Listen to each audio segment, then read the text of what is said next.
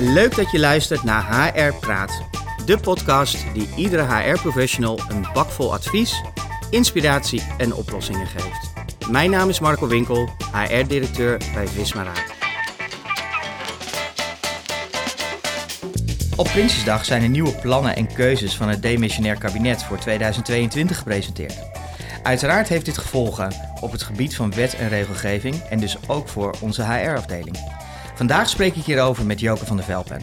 Als kennismanager wet en regelgeving duikt zij samen met haar team jaarlijks directe berekeningen in na het bekendmaken van de Rijksbegroting en de miljoenennota. Welkom Joke. Vandaag gaan we het onder andere hebben over de thuiswerkvergoeding, het betaalde ouderschapsverlof en het leven lang leren. Dat in 2022 een stap dichterbij komt. Maar ik ben wel eerst even benieuwd uh, over de meest cruciale vraag van het jaar. Hoeveel gaan we er nou volgend jaar op vooruit? Dat ligt er natuurlijk aan hoeveel je verdient. Maar als je een modaal inkomen hebt, dan ga je er 7,75 euro op vooruit. Zoals dat we dat nu kunnen berekenen. Waar we geen rekening mee gehouden hebben, zijn de pensioenpremies. En we weten natuurlijk ook nog niet het uh, franchisbedrag voor uh, de AOE. Ehm, en daarmee indien je er geen euro bij krijgt, dan ben ik bang dat je iets gaat inleveren in januari. En hebben jullie daar ook al de nieuwe uh, zorgpremie in verrekend? Uh, nee, want dan praten we over koopkracht. Okay. En wij kunnen heel goed rekenen, maar wij hebben geen oordeel over de koopkracht. Want ik weet niet, uh, misschien heb jij wel een mooi huurhuis of heb jij een hele dure koopwoning.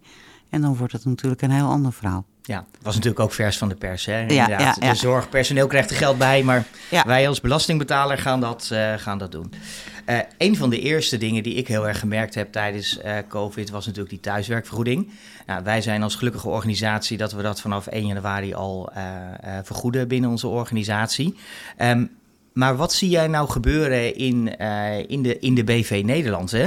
Veel mensen werken thuis of gedeelte thuis. Uh, ik denk dat veel van onze luisteraars herkennen dat ze vragen hebben gehad over uh, koffiebonen, over wc-papier, over elektra, laminaat, wat wellicht inderdaad wat meer slijt als de rolstoel eroverheen gaat van je bureau.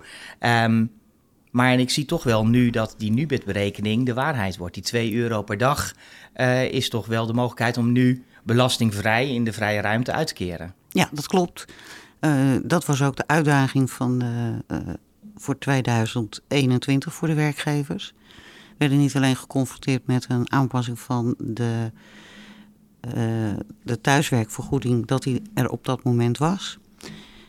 die mocht nog niet netto uitgekeerd worden. De reiskostenvergoeding die aangepast moest worden of niet moest aangepast worden. Dus 2021 is administratief voor werkgevers uh, best wel een ding geweest. Dat, uh, en nog steeds, tot het einde van het jaar hebben ze nog deze uitdagingen. Omdat je die thuiswerkvergoeding nog niet netto kan uitkeren. Nee, je knip hem inderdaad even op. Hè? Wat, wat betekent die verandering van die thuiswerkvergoeding? Die thuiswerk, wat er echt verandert is of een werkgever, als die nog de mogelijkheid had om die 2 euro in de vrije ruimte te stoppen van de werkkostenregeling, kon hij hem daarin kwijt. Indien zijn werkkostenregeling die vrije ruimte al vol was, dan uh, moest hij het uh, bedrag bruteren. En dan kom je toch wel uit op 3,60 euro voor de werkgever. Nou, al die discussies die er zijn. En nu is het een gerichte vrijstelling. Dus die 2 euro kan gewoon netto worden uitbetaald door de werkgever. Dat geeft de werkgever uh, nu eigenlijk ook wel de goede kans hoe gaan wij dat in 2022 het beleid voeren met betrekking tot het thuiswerken? En dan natuurlijk alleen voor die groep die ook echt daadwerkelijk kan thuiswerken. Die medewerker in de zorg, die krijgt niet zijn patiënten thuis. En de agenten, die krijgen ook niet, althans mag ik hopen, niet de criminelen over de. Dus het is echt voor die beroepen waar het ook mogelijk is om thuis te werken. Dat is ook weer voor HR de uitdaging, want je hebt een groep medewerkers die werken gewoon thuis. Daar is het van voor kracht. er zijn ook medewerkers die gaan gewoon nog normaal naar hun werk. Dus wat is het beleid? Ga je echt op reisdagen en thuiswerkdagen ga je daar je beleid op maken? Of ga je ook echt een groep apart zetten van die krijgen de vaste reiskostenvergoeding en dit is mijn groep medewerkers. die zowel thuis als op kantoor werken. Ja, en dat is denk ik ook de uitdaging die, die ik zelf zie hè, met het hybride werkmodel. Um, als HR-afdeling heb ik af en toe wel die vraag inderdaad, hoe ga ik dat nou praktisch doen? Want in het, voor het, het, pro, uh, het, het post-COVID-tijdperk hadden wij maandtrajectkaarten uh, en allemaal abonnementen voor iedereen die je maar kon laten bewegen. En als je nu kijkt naar de pre- en de post-COVID hybride werkvorm, is dat eigenlijk niet meer nodig. En wat zou jij onze luisteraars willen adviseren als je kijkt met name naar de, de reisbeweging die mensen moeten maken? Het gaat eerst over het beleid van de organisatie. Gaat het organisatie het beleid hebben? Uh, wij vinden het heel normaal dat jij thuis gaat werken. Uh, zoals dat wij hier hebben bij Visma Raad wordt er erg gepromoot uh, dat je op een juiste manier naar kantoor gaat. Niet om daar maar aanwezig te zijn, maar dat het ook echt een functie heeft. En indien je werk prima thuis kan doen, blijf dan gewoon thuiswerken. Dan heb je die reisbewegingen niet. En ik denk dat elke organisatie voor zichzelf moet bepalen. Hoe gaan wij om met het hybride werken? Er zijn ook organisaties die zeggen: ik wil gewoon iedereen weer op kantoor hebben. Maar je merkt wel dat het grotendeel van de bedrijven er gewoon aan gewend zijn dat hun medewerkers ook echt thuiswerken. Maak daar gewoon goed beleid over. Het is door de hele corona moest dat allemaal hapsnap en heel snel gebeuren op HR-gebied. Eh, die kregen vragen waar ze daarvoor nog nooit over nagedacht hadden. Ik heb je vaak inderdaad bestookt met vragen waarvan ik het antwoord niet wist. Uh. we, we, zitten nu in zo'n overgangsperiode dat er natuurlijk ook nog steun is van de overheid. Dat de overheid bepaalde zaken gewoon tolereert. Omdat een HR-afdeling daar gewoon niet zo zo goed en zo snel in uh, kon ingrijpen. Dus 2022, daar goed over nadenken. Wat voor organisatie, welke strategie, hoe willen we dat gaan communiceren naar de mensen? Hoe gaan we om met hybride werken? Want het is niet alleen van twee dagen uh, op kantoor en twee dagen uh, thuis. Het heeft te maken met de, totale strategie. Waarom wil je die medewerkers dan weer volledig op kantoor hebben. Ja. Nou, gelukkig zie ik inderdaad in mijn omgeving ook bij andere organisaties de hybride vorm, 50-50, twee dagen, drie dagen uh, ontstaan uh, daarin. Dus eigenlijk zeg jij, ga er nu over nadenken als HR-afdeling, maak een beleid over hybride werken en adviseer je ook eigenlijk reisbewegingen. Ja. En kijk op die manier naar je ja, hybride thuiswerkbeleid, zodat je efficiënt gebruik maakt van de kosten. Ja, reisbewegingen is het meest zuivere zowel voor de werkgever als voor de werknemer. Hiervoor was dat natuurlijk administratief een draak. En daarom kozen heel veel werkgevers voor de praktische regeling van oké, hoef ik er niet meer over na te denken. Ja, en toen kwam corona en toen werd het natuurlijk helemaal anders. De techniek heeft ook niet stilgestaan. Dus de administratieve belasting die er is, die is bijna altijd uh, wel weggenomen. Uh, er zijn apps ontwikkeld waarvan een medewerker heel makkelijk kan aangeven: ik werk thuis of ik ben op kantoor. Kan makkelijk door de systemen berekend worden. En dit is de meest zuivere manier om de vergoedingen te betalen. De werknemer krijgt exact waar hij recht op heeft. En een, het is geen kostenpost meer op, in die zin voor een werkgever. Nee, en dat is denk ik een heel mooi gegeven. Ja. Kijk er goed naar uh, in. Een ander uh, topic waar heel lang over gesproken is en wat er gelukkig nu door is, vind ik als, als HR-verantwoordelijke, uh, is het betaalde ouderschapsverlof. Ja. Wij hadden in onze organisatie al het partnerverlof op basis van de wet Wieg. maar dit is toch wel een stapje verder. ja, dit is de, de volgende stap. wij in Nederland hangen Europees gezien nog wel een beetje onderaan. En je zei dat net al. Wie, staat daar, wie, wie is de koploper? Zweden. Zweden? Ja, ja. De, in Zweden is het voor een, uh, een partner, en dat kan een man of een vrouw zijn, die heeft verplicht een half jaar uh, ouderschapsverlof. Zeker in het eerste jaar van de geboorte van het kind. Uh, en dat wordt 100% betaald en er is ook een baangarantie. Nou, dat is natuurlijk de ideale vorm. Uh, dit is een tussenvorm. Maar wel een hele mooie tussenvorm. De, de eerste stappen zijn gezet. Ja. Uh, het is nog niet, ja, persoonlijk vind ik, er mag nog wel een stapje bij. Maar in ieder geval wordt 50% van uh, het maximaal dagloon kan er vergoed worden. Ik denk dat er met een aantal CEO's dat waarschijnlijk ook nog wel opgehoogd wordt naar 100%. En daarmee in het eerste levensjaar van, uh, van een kind, wat toch cruciaal is voor de ouders, er komt echt heel veel op ze af. Om dat in goede banen te leiden. En niet alleen voor de vrouw, maar ook voor de man. Dus dat je gezamenlijk de verantwoordelijkheid kan nemen. En dat het financieel niet meer de drempel is om het niet te doen. Dus daarom vind ik dat een hele goede ontwikkeling. En ik, ik sluit daar mij volledig bij aan, maar ik heb wel gelijk de kanttekening en de vraag in mijn hoofd zitten. Maar hoe ga ik dat faciliteren? Heb jij daar ideeën uh, over voor onze luisteraars waarvan je zegt, joh, maar daar zou je moeten beginnen bij het implementeren van dit beleid? Uh, het is geen beleid, het is wetgeving. Dus een medewerker die vraagt dat aan. En alleen als er zware economische redenen zijn om het af te wijzen. En ja, ook daar alvast nu even over nadenken. Je weet ongeveer hoe groot je populatie is. Je weet ongeveer wel van uh, hoeveel mensen, hè, zowel mannen als vrouwen, dit betreft. En hoe ga je dat opvangen?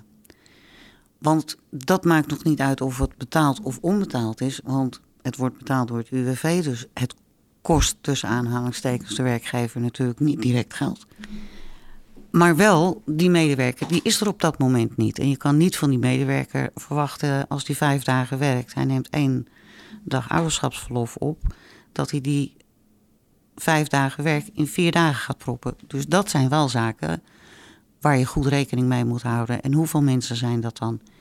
Het is gebeurd op 2 augustus 2022. Dus ook de HR-afdeling adviseer ik om daar gewoon nu even naar je populatie te kijken. En in te schatten hoeveel mensen gaan hier gebruik van maken. Ja, met name een inschatting, hè? want ik kan nu nog niet bepalen wie op 2 augustus daar gebruik van nee, uh, gaat maken. Nee, dat niet. Maar wat is het meest positieve hieraan, vind jij, vanuit inderdaad wet en regelgeving? Dat het uh, nu goed georganiseerd is qua wet en regelgeving. Dat, het niet een, uh, dat je niet afhankelijk bent van of de werkgever ja of nee zegt. Je kan zelf je beleid maken en gewoon gezamenlijk met je partner beslissen wie doet de opvang voor de kinderen en dat je daar ook samen bij uh, vol verantwoordelijk bent. En ik denk dat het ook rust geeft als medewerker. En dat je als werkgever het grote voordeel hebt dat je minder gestreste uh, werknemers hebt. Ik sluit me daar volledig bij aan, want je ziet, als je ziet hoeveel mensen en medewerkers inmiddels gebruik gemaakt hebben van uh, het betaald partnerverlof bij ons, uh, dan zie je echt dat het een positieve ontwikkeling is uh, op het werkgeluk van de medewerker. Ja, zeker weten. Dus dat sowieso. En een van de andere zaken die we voorbij zagen komen tijdens het Prinsjesdag is een, een, ja, toch het leven lang leren. Ja. ook iets wat al heel lang over uh, wat al heel lang op tafel lag, maar nooit echt een duidelijke eindstadium heeft gehaald. Maar nu toch wel. En zoals het heel mooi inderdaad in de woordspeling zit, we zijn echt een stap dichterbij. Ja, dat is de eerste stap die uh, gezet wordt. Uh, en wat ik het grote voordeel vind van het stapbudget, dat een medewerker zelf de regie heeft. En niet alleen een medewerker, maar ook een werkzoekende dat hij heel bewust zichzelf kan ontwikkelen. Dat hij daar niet afhankelijk is of jouw werkgever wel in jou wil investeren. Wat eigenlijk wel zou moeten. Hè. Als je een uh, goede werkgever bent, wil je altijd investeren in je medewerker. Daar heb je ook zelf voordeel van. Maar het kan ook wezen dat een medewerker heel iets anders wil gaan doen. Uh, en die mogelijkheid, die is er nu. En het is een budget van 1000 euro uh, per jaar. Uh, je hebt natuurlijk wel een resultaatverplichting. Het is niet van nou laat ik het eens even goed gaan proberen. En het is helaas niet gelukt. Dus je hebt wel een prestatiebeloning dat je ook daadwerkelijk je diploma moet gaan halen. Maar ook voor een werkzoekende. Die krijgt ook de mogelijkheid om zich te gaan ontwikkelen. Dat hij daarmee een betaalde baan gaat krijgen. En dat hij zelf de regie kan pakken. En dat vind ik het grote voordeel. Ik zie het als een eerste stap. Uh, de rest is natuurlijk afwachten in hoeverre de borstlap of het CER-advies wordt meegenomen. En dan gaan we natuurlijk nog wel drie stappen verder. Dat het echt ook een, ja, bijna een verplichting wordt als medewerker dat je je blijft ontwikkelen. En ik vind dat een hele goede, goede zaak. Uh, je moet nooit stil blijven staan. De wereld gaat veranderen en dan word je gewoon beter in je vak. Ga je met veel meer plezier naar je werk. Je werkgever heeft er veel meer aan. En vooral ook het plan uh, wat er ligt via het CER-advies, dat er geïnvesteerd wordt in banen waar op dit moment een heel erg tekort aan is. En dat je in samenspraak met werkgevers die investering kan gaan doen in die medewerker, om die te gaan helpen van werk naar werk. Uh, in principe kost dat de werkgever niks extra, want hij hoeft dan geen investering te doen in de transitievergoeding. Hij investeert in een medewerker. Een medewerker gaat van een baan naar een baan. Dus ik hoop in het, uh, de onderhandelingen die nu weer opgestart worden, dat vooral het leren en het ontwikkelen, dat dat uh, een belangrijk onderdeel gaat worden. Nee, dat hoop ik ook. Kan elke medewerker daar nu gebruik van maken? Van het stapbudget? Ja. ja, ja. Hij is zelf in de regie. Hij, uh, de opleidingen die worden in maart bekendgemaakt op een speciale site van het UWV. Mm -hmm. Dus je ziet welke opleidingen er aangeboden wordt. Die kan je aanvragen. Je doet de aanvraag via het UWV. Het UWV betaalt rechtstreeks aan het opleidingsinstituut. En jij moet gewoon zorgen dat je een prachtig diploma gaat halen. En daarmee een volgende stap in je ontwikkeling kan zetten. Ja, dus eigenlijk een hele mooie kans voor de werknemer uh, om te zeggen van joh, maak hier gebruik van. Ja. Hoe zouden wij als HR-afdeling dat nog meer kunnen stimuleren? Uh, ook om duidelijk neer te zetten, dit zijn mogelijkheden. Want het kan ook wezen dat je een andere, uh, ander vak wil gaan doen. Ook daar kan je natuurlijk naar gaan kijken. Het kan ook een combinatie zijn dat je tegen een uh, werknemer zegt: als jij die eerste stap doet, dan de vervolgstappen, die uh, ga ik als HR op me nemen. Dus daarom vind ik het een hele goede ontwikkeling. En het belangrijkste vind ik dat een werkende en ook werkzoekende de regie gaat krijgen over zijn eigen toekomst wat betreft ontwikkelen. Nou ja, ik denk dat dat heel mooi aansluit waarschijnlijk ook bij veel topics die ook in andere HR-afdelingen leven over succession planning. Ja. En hoe ga je om uh, met de uitstroom? Wij merken ook uiteindelijk in onze organisatie dat de uitstroom gefaseerd gaat, maar er komt een piek aan. Ja, en ja. die kan ik op deze manier mooi opvangen. Ja, dat, er komt... Uh we worden allemaal ouder. Hè? Als je kijkt naar de zorg, uh, dan is er ook een beroep op de zorg. En we hebben nu al een tekort. Maar ook in de zorg gaan er heel veel mensen met pensioen. Dat is het gevolg.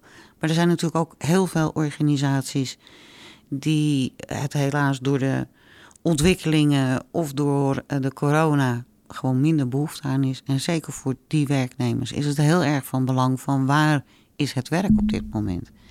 En wil ik dat ook, hè? want je moet het natuurlijk ook wel kunnen om in de zorg te gaan werken of bij de politie te gaan werken. Dat zijn wel zaken waar je dan even over na kan gaan denken. Ja, dat kan me heel goed voorstellen. Nou hebben jullie hier vorige week met z'n allen gezeten, met jouw hele team, met onze marketingafdeling. Wat zou je aan onze luisteraars mee willen geven? Wat is nou het meest belangrijke wat je aan onze luisteraars mee wil geven over Prinsjesdag? dat het uh, dit jaar heel erg spannend was. En dat we eigenlijk nog niet helemaal zeker weten of dit ook wel de eindstreep gaat halen. Want we hebben, uh, misschien heeft uh, de algemene beschouwingen gaf wel aan dat er heel veel onderhandeld wordt. Dus ik denk nog niet dat het stopt. Ik denk dat er met name met betrekking tot de flexibilisering van de arbeidsmarkt en ook de adviezen die bij, door het Borslab en SER genomen zijn, dat die bij de behandeling van sociale zaken, dat daar nog wel wat wijzigingen in gaan komen. Dus dat houden wij natuurlijk ook heel erg in de gaten om onze klanten op tijd uh, daarvoor te informeren. Maar daar verwacht ik nog wel wat, uh, wat vuurwerk in. Ja. ja, dat kan me voorstellen. Ook afhankelijk inderdaad ja. welke stap het kabinet gaat zetten natuurlijk. Zo, uh, zo is het. En wie weet gaan ze vandaag gezellig bij elkaar zitten en hebben ze het volgende week geregeld. Dat weten we natuurlijk niet. Maar er zijn nog wel zaken die echt op de plank liggen. En ook voor een HR-afdeling en voor werkgevers en voor werknemers ook. Wat gaan we doen met de ontzettende flexibilisering van de arbeidsmarkt en dat de mensen de juiste rechten kunnen krijgen? Want daar zijn we natuurlijk een beetje in doorgeslagen. Bij de corona kwam dat direct boven wat daar de problemen van zijn. En daarmee uh, zijn dit de uitdagingen waar ze voor staan. Dus ik ben heel benieuwd wat daar de komende weken nog naar boven komt. Nou, wij gaan dat uiteraard volgen en onze luisteraars waarschijnlijk ook, want veel HR-afdelingen hebben met dezelfde uitdagingen te maken voor het nieuwe jaar. Dankjewel voor dit leuke gesprek. Zijn aan het einde gekomen van deze uh, podcast-aflevering. Deze keer speciaal over Prinsjesdag en alle uh, wet- en regelgeving en wijzigingen. Wil je nou meer weten over Prinsjesdag en alle informatie vinden? Kijk dan op vismaraad.nl. Daar vind je een speciale pagina uh, Prinsjesdag en natuurlijk ook onze podcast.